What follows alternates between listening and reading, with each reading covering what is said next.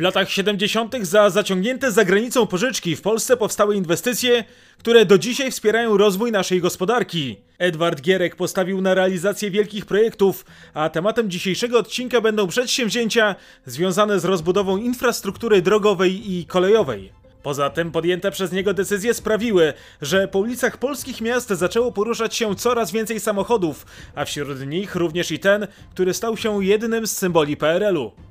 Więcej na ten temat już za chwilę.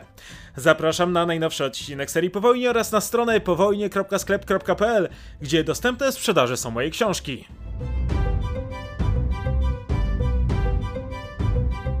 Edward Gierek wierzył, że za pożyczone pieniądze sfinansuje inwestycje, które przyspieszą rozwój cywilizacyjny Polski. W porównaniu do rządów Władysława Gomułki do połowy lat 70.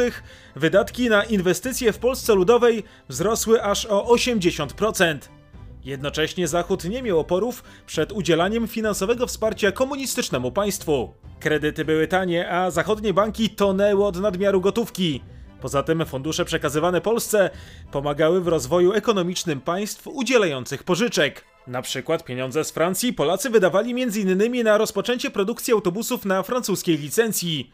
Pozyskane za granicą środki ponownie trafiały więc do państw udzielających kredytów. Dla Zachodu gwarantem ich spłaty przez Polskę był Związek Radziecki.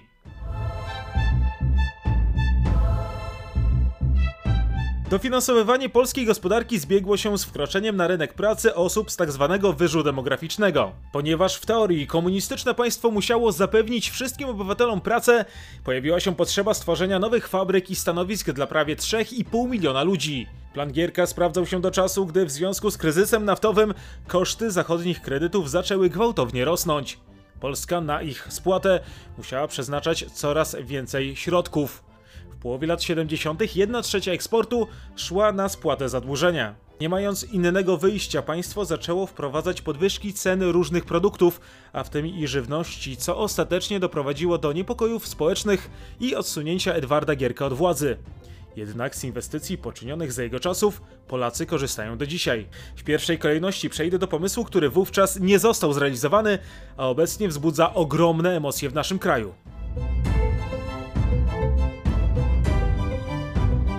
O tym, że Warszawa w przyszłości będzie potrzebowała większego lotniska niż to na Okęciu, wiadomo było jeszcze przed II wojną światową.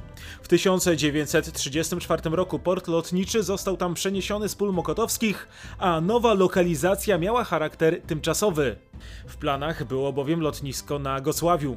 Potem wybuchła jednak wojna, a po jej zakończeniu w związku z innymi priorytetami nikt na ten temat w Polsce nie rozmawiał. W następnych latach ruch lotniczy był na tyle niewielki, że komunistyczne władze niespecjalnie były zainteresowane inwestowaniem pieniędzy w nowe lotnisko. Jedynym powodem, dla którego mogłyby rozważać takie rozwiązanie, były uciążliwości, z jakimi zmagali się mieszkańcy szybko rozbudowujących się dzielnic okalających Okęcie. Komunistyczni dygnitarze nie zwracali na to jednak uwagi. Swojego zdania nie zmienili nawet, gdy na początku lat 70. do ministerialnych gabinetów dotarł specjalny raport, z którego wynikało, że w przyszłości przepustowość Okęcia będzie coraz słabsza.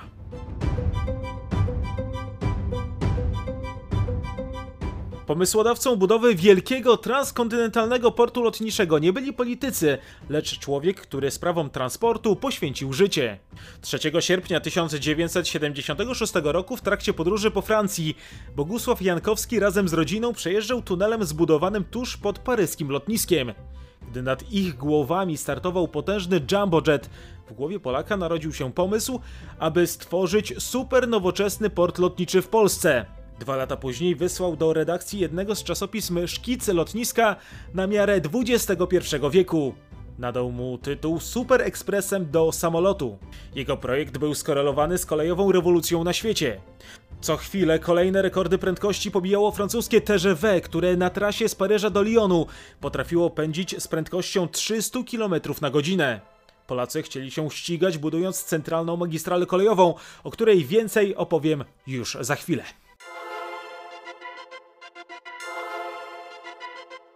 Jankowski był z wykształcenia psychologiem i wiceprezesem Towarzystwa Integracji Transportu, a także tłumaczem języka angielskiego i niemieckiego.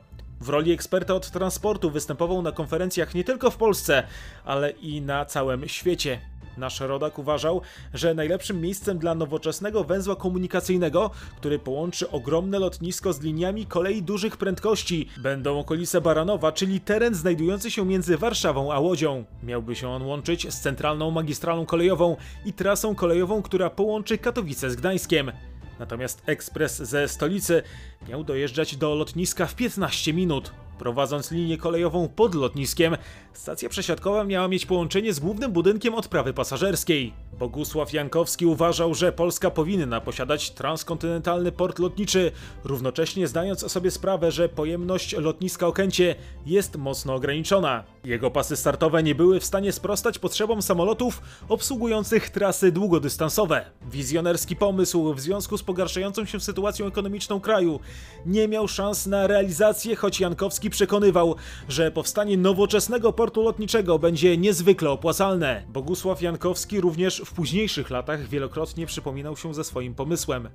Władze państwowe zaczęły interesować się tym tematem zarządów SLD na początku XXI wieku. Bogusław Jankowski zmarł 7 lipca 2017 roku w wieku 86 lat.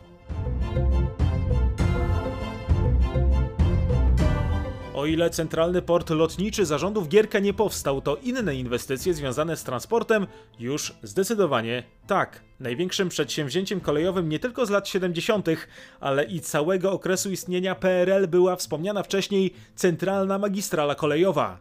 Linia o długości 224 km prowadziła z Górnego Śląska do Warszawy i połączyła województwa mazowieckie, łódzkie, świętokrzyskie i śląskie. Dzisiaj podróż z Warszawy do Krakowa pociągiem Pendolino w nieco ponad dwie godziny jest możliwa właśnie dzięki tej inwestycji. Ale od początku. W lutym 1970 roku minister komunikacji otrzymał zadanie, aby przygotować koncepcję szybkiego kolejowego połączenia Śląska z centrum oraz północną Polską. W planach pociągi na nowej linii miały rozwijać prędkość nawet 250 km na godzinę. Potem jednak władze i konstruktorzy nieco spuścili z tonu, obniżając o swoje oczekiwania co do prędkości do 160 km na godzinę. Wynikało to z faktu, że PKP nie było stać na zakup najnowocześniejszego taboru, takiego jak Pendolino, produkowanego we Włoszech od 1974 roku. Poza tym w trakcie powstawania trasy pojawiły się wcześniej nieuwzględnione ograniczenia.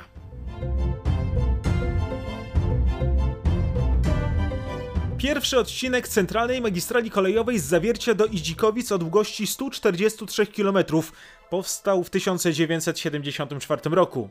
Drugi, krótszy o 60 km Sidzikowic do Grodziska Mazowieckiego, został zbudowany do 1977 roku. Dwa kolejne z Korytowa do Gdańska nie zostały ostatecznie zrealizowane.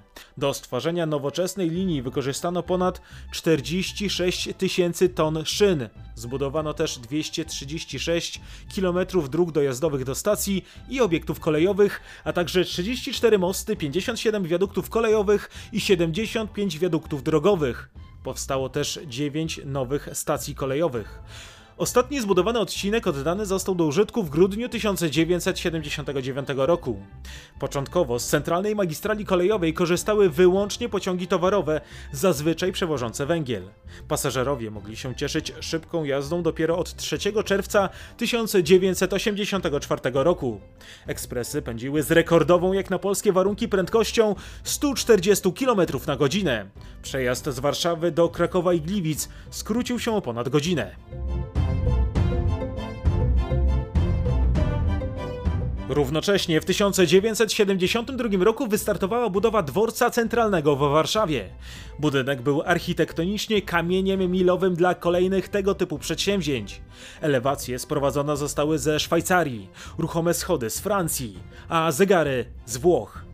Uwagę zwracały też automatyczne drzwi. Cztery podziemne perony, każde o długości 400 metrów wyposażono oprócz ruchomych schodów również w nowoczesne windy. Łącznie na realizację całej inwestycji państwo wydało 24 miliardy złotych. Nie były to pieniądze wyrzucone w błoto. Faktycznie był to, jak na tamte czasy, jeden z najnowocześniejszych dworców kolejowych w Europie. Choć zdaniem międzynarodowych ekspertów jego wybudowanie miało zająć co najmniej 10 lat, to Polacy zadziwili świat oddając go do użytku po nieco ponad 3 latach. Aby zdążyć z terminami na ostatnim etapie prac, pomagali żołnierze. Edward Gierek pękał z dumy uroczyście otwierając dworzec 5 grudnia 1975 roku. Data ukończenia inwestycji nie była przypadkowa.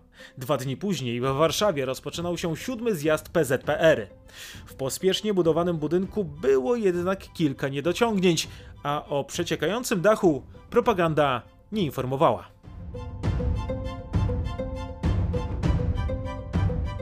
Inną ważną inwestycją w stolicy była Wisłostrada. Zmieniająca się Warszawa wymagała zmian komunikacyjno-transportowych. Mieszkańcy dużych oddalonych od centrum osiedli i podwarszawskich miejscowości mieli problem przykład z dojazdem do pracy. Mieszkańcy Legionowa na pierwszą autobusową linię podmiejską czekali latami. Zresztą podobne problemy występowały też w innych polskich miastach. W stolicy pewnym rozwiązaniem miała stać się budowa przelotowych arterii komunikacyjnych trasy łazienkowskiej oraz trasy toruńskiej. Pierwsza z nich, ukończona w 1974 roku, połączyła Ochotę, Śródmieście i Mokotów z Pragą Południe. Jej głównym projektantem był Józef Sigalin, który w przeszłości odpowiadał m.in. za budowę mostu poniatowskiego oraz Pałacu Kultury i Nauki. Budowa trasy realizowana była w zawrotnym tempie.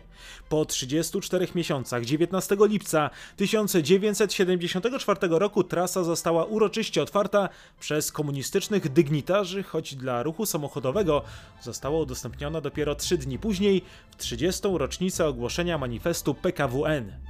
W deszczowy dzień na miejscu pojawili się pierwszy sekretarz Edward Gierek, premier Piotr Jaroszewicz, przewodniczący Rady Państwa Henryk Jabłoński oraz tłum warszawiaków. Jedną z pierwszych osób, która przejechała trasą, był Leonid Breżniew, który przyjechał do Warszawy, aby wziąć udział w obchodach 30-lecia PRL. Wzdłuż trasy witały go wiwatujące tłumy ludzi, co było propagandową ustawką, ponieważ zostali oni tam wysłani z zakładów pracy.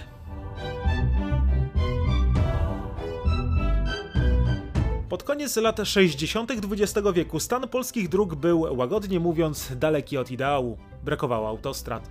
Kilka odcinków o łącznej długości prawie 140 km znajdowało się na poniemieckich tzw. Tak ziemiach zachodnich. Budowane drogi były zazwyczaj niskiej jakości. Auta musiały przeciskać się wąskimi ulicami, które często były w naprawie. Absolutnie nie było szans na sprawne poruszanie się po kraju samochodem. A jako, że bez tego nie ma szans na rozpędzenie gospodarki, jednym z najważniejszych zadań, jakie postawił przed sobą Edward Gierek, było rozbudowanie sieci drogowej oraz dróg szybkiego ruchu. Poligonem doświadczalnym dla przyszłych inwestycji miała być nitka łącząca Katowice z Warszawą. Decyzję o jej powstaniu komuniści ogłosili w kwietniu 1972 roku. Już 30 kwietnia powstał zarząd autostrad z siedzibą w Warszawie. W ciągu kilkunastu lat w Polsce miało powstać łącznie około 3000 dróg i tras szybkiego ruchu.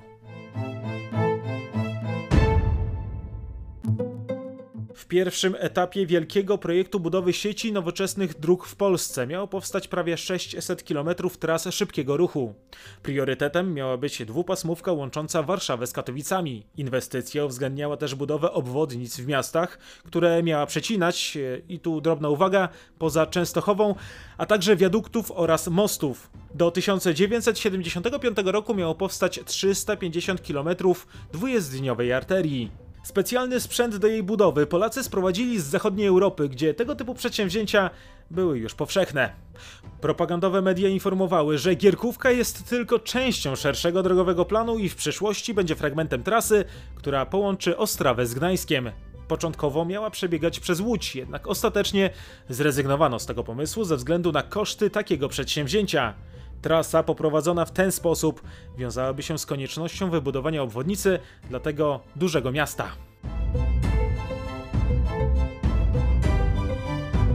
Prace nad słynną Gierkówką rozpoczęły się wiosną 1973 roku.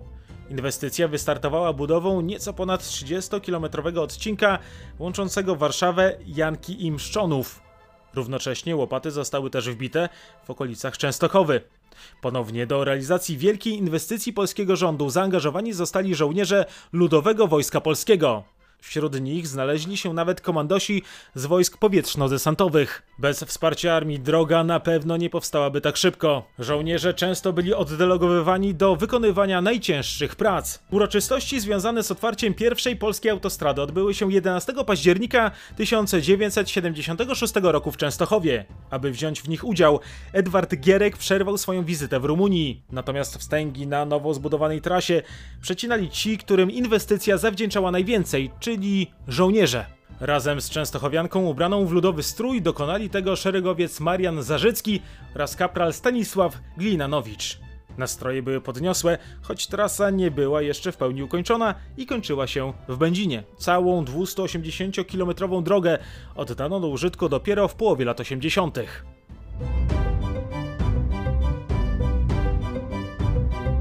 Wcześniej trasę z Warszawy do Katowic kierowcy pokonywali ze średnią prędkością 40 km na godzinę. Dzięki inwestycji wzrosła ona niemal dwukrotnie. Podróż ze Śląska do stolicy skróciła się o prawie dwie godziny. Po nowej drodze jeździły nie tylko auta osobowe, ale i autokary. Już w październiku 1976 roku uruchomiona została pierwsza w Polsce ekspresowa linia autobusowa łącząca Katowice z Warszawą. Pasażerów, podobnie jak w samolotach, obsługiwały stewardessy. Podróżni dostawali wodę oraz słodycze. W planach były też inne trasy szybkiego ruchu. Już w marcu 1972 roku polski rząd podjął decyzję o wybudowaniu autostrady łączącej Kraków z Wrocławiem. Do końca rządów Edwarda Gierka w tej sprawie nic się jednak więcej nie wydarzyło. Inaczej było w przypadku wschodniej obwodnicy Górnośląskiego Okręgu Przemysłowego. Prace nad nią wystartowały w 1978 roku i trwały 5 lat. Ale w Polsce pojawiały się nie tylko nowe drogi. W latach 70. nasz kraj przeżył motoryzacyjną rewolucję. Po ulicach poruszało się coraz więcej samochodów. Nie bez powodu, jednym z symboli dekady rządów Edwarda Gierka jest Maluch, czyli Fiat 126P. 29 października 1971 roku Polska podpisała z Fiatem umowę o współpracy przemysłowej i licencyjnej na małolitrażowe auto. Polacy spłacili licencje wytwarzanymi w swoich fabrykach silnikami oraz skrzyniami biegów do modelu 126 produkowanego we Włoszech. Premiera auta odbyła się w 1972 roku w Turynie. Już w następnym miesiącu tłumy podziwiały malucha na warszawskim placu Defilat. Produkcja modelu 126 wystartowała 22 lipca 1973 roku w fabryce samochodów małolitrażowych w Bielsku-Białej. Prace szły na tyle sprawnie, że już dwa lata później, we wrześniu, w Tychach, uruchomiony został drugi zakład produkcyjny.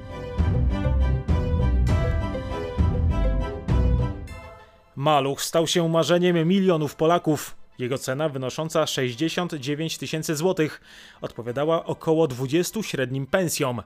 Ale aby zakupić Fiata nie wystarczyło mieć pieniądze. Potrzebny był również odpowiedni talon. Polska Kasa Oszczędności 5 lutego 1973 roku rozpoczęła przyjmowanie przedpłat na książeczki oszczędnościowe. Zainteresowanie było tak duże, że system przedpłat został wyczerpany już w następnym miesiącu. Po wpłaceniu pieniędzy pozostało czekać na przydział, a to trwało nawet 5 lat. Niektórzy dostawali auta szybciej, na drodze losowania książeczek. Wówczas jednak taki szczęśliwiec od razu musiał uregulować całą kwotę. Większość zapożyczała się gdzie tylko mogła, aby nie przypadła im szansa na posiadanie wymarzonych czterech kółek. W ciągu czterech lat, od 1971 roku, liczba zarejestrowanych aut w Polsce wzrosła ponad dwukrotnie, osiągając zawrotną, jak na tamte czasy, liczbę miliona pojazdów.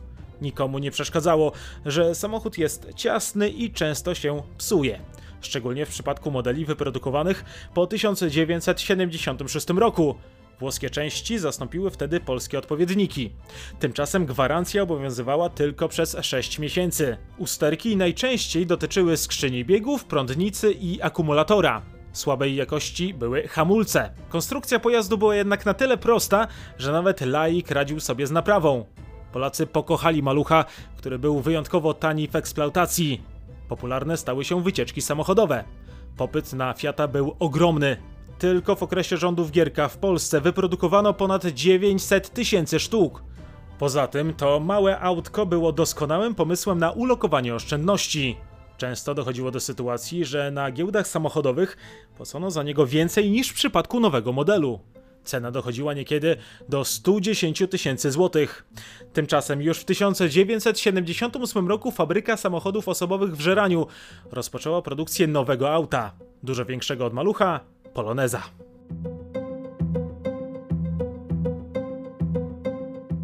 Poruszanie się po Polsce w ciągu 10 lat rządów Edwarda Gierka stało się prostsze, a polska gospodarka zyskała narzędzia, z których korzysta do dzisiaj. W 1978 roku po raz pierwszy w naszej historii liczba osób zatrudnionych w przemyśle przewyższała liczbę rolników. Jednocześnie warto pamiętać, że nie wszystkie inwestycje były udane.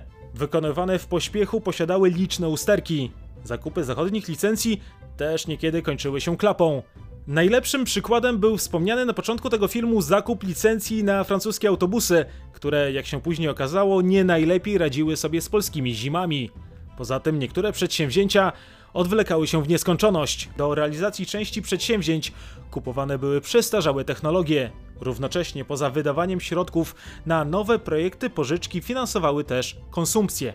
W zaledwie kilka lat płaca realna w Polsce wzrosła aż o 50%. Propaganda sukcesu w okresie rządów Gierka przekonywała, że Polska staje się coraz silniejsza. Pojawiały się określenia, że jesteśmy dziesiątą gospodarką świata. Faktycznie był to czas, gdy nasz kraj zamienił się w wielki plac budowy. Niektóre z tamtych inwestycji były kamieniami milowymi dla polskiej gospodarki, tak jak na przykład Port Północny, który częściowo uniezależnił nas od dostaw ropy ze wschodu. Cena była jednak wysoka. Gierek potwornie zadłużył nasz kraj, a ostatnie zaciągnięte wtedy pożyczki spłaciliśmy dopiero w 2012 roku. A co wy sądzicie o wspomnianych dzisiaj inwestycjach? Czy były potrzebne? Zapraszam do dyskusji w komentarzach. To wszystko na dzisiaj. Dziękuję za uwagę. Zachęcam do subskrybowania kanału i zakupu moich książek na stronie powojnie.sklep.pl. Do usłyszenia.